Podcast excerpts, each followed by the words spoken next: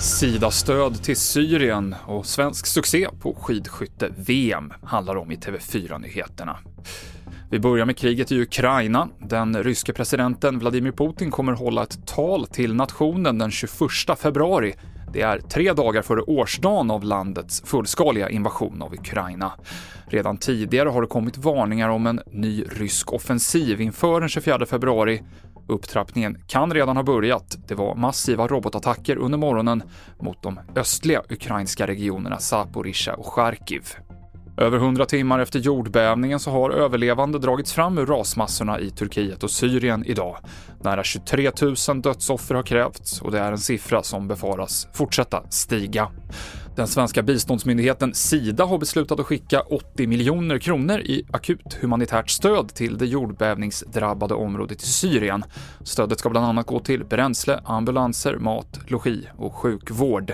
När det gäller de drabbade områdena i Turkiet så har Sida inga humanitära samarbeten igång på plats.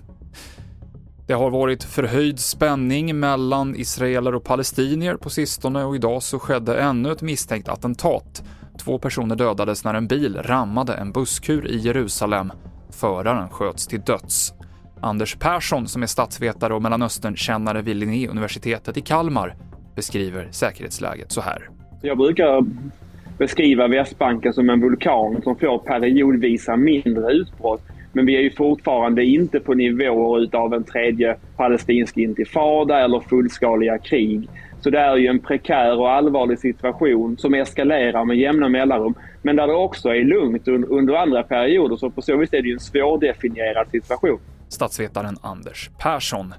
Vi avslutar på skidskytte-VM i Oberhof i Tyskland, där det blev ett sekunddrama i damernas sprint och två svenska medaljer idag. Hanna Öberg tog silver, bara 2,2 sekunder från första platsen. Dessutom knep Linn Persson bronspengen. Guldet gick till hemmaåkaren Denise Herman Wick. TV4-nyheterna i studion idag, Mikael Klintevall.